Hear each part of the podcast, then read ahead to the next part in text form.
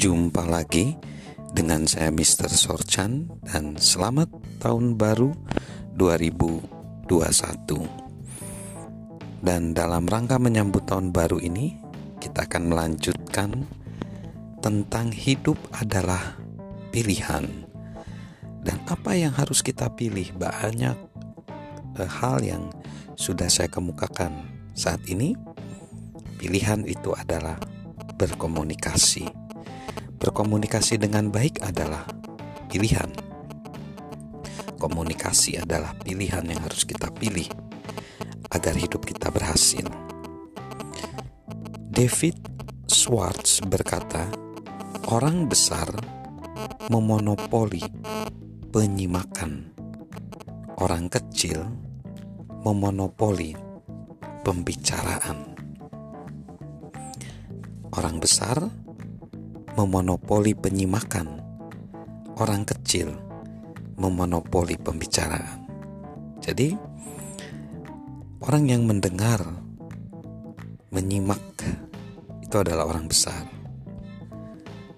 Dan Rusk berkata, salah satu cara terbaik untuk mendekati orang lain adalah dengan telinga Anda, dengan mendengarkan mereka. Pepatah Cherokee berkata demikian, dengarkan bisikan dan Anda tak perlu mendengar teriakan.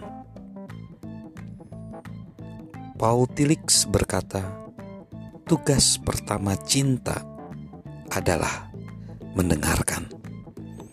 Tugas pertama dari cinta adalah mendengarkan. Woodrow Wilson berkata, "Telinga pemimpin harus bisa mendengarkan suara rakyat. Telinga pemimpin harus bisa mendengarkan suara rakyat." Seorang penyiar legendaris, Larry King berkata, "Saya mengingatkan diri saya setiap pagi. Yang saya katakan hari ini tidak akan mengajari saya apa pun. Jika saya ingin belajar, saya harus melakukannya dan mendengarkannya. Melakukannya dan mendengarkannya. Berbicara tentang pemimpin, pemimpin harus mendengar. Kita sering menganggap pemimpin sebagai komunikator yang baik mereka memiliki kemampuan untuk mengutarakan visi, menginspirasi, dan mengajarkan. Namun, seperti pentingnya pemimpin menjadi pembicara yang efektif, menjadi pendengar yang baik jauh lebih penting. Ketika pemimpin gagal mendengarkan, mereka menciptakan ketidakpedulian, keangkuhan, kesalahpahaman, di antara orang-orang yang dipimpinnya. Pemimpin yang tidak mendengarkan mengalami banyak kegagalan. Berikut ini ada beberapa hal yang sangat berdampak.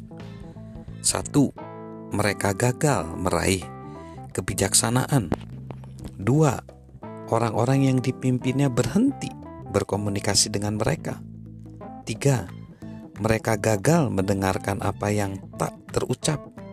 Empat, Kegagalan mereka dalam mendengarkan menjalar, menciptakan kegagalan di bidang lain dalam era kepemimpinan mereka. Jika kita memimpin sebuah bisnis, keluarga, atau kelompok, jadikan mendengar sebagai prioritas. Jika tidak, kita akan menuai banyak masalah. So, banyak mendengar, berkomunikasi yang baik, itu pilihan cerdas buat hidup kita. Dari saya, Mr. Sorchan.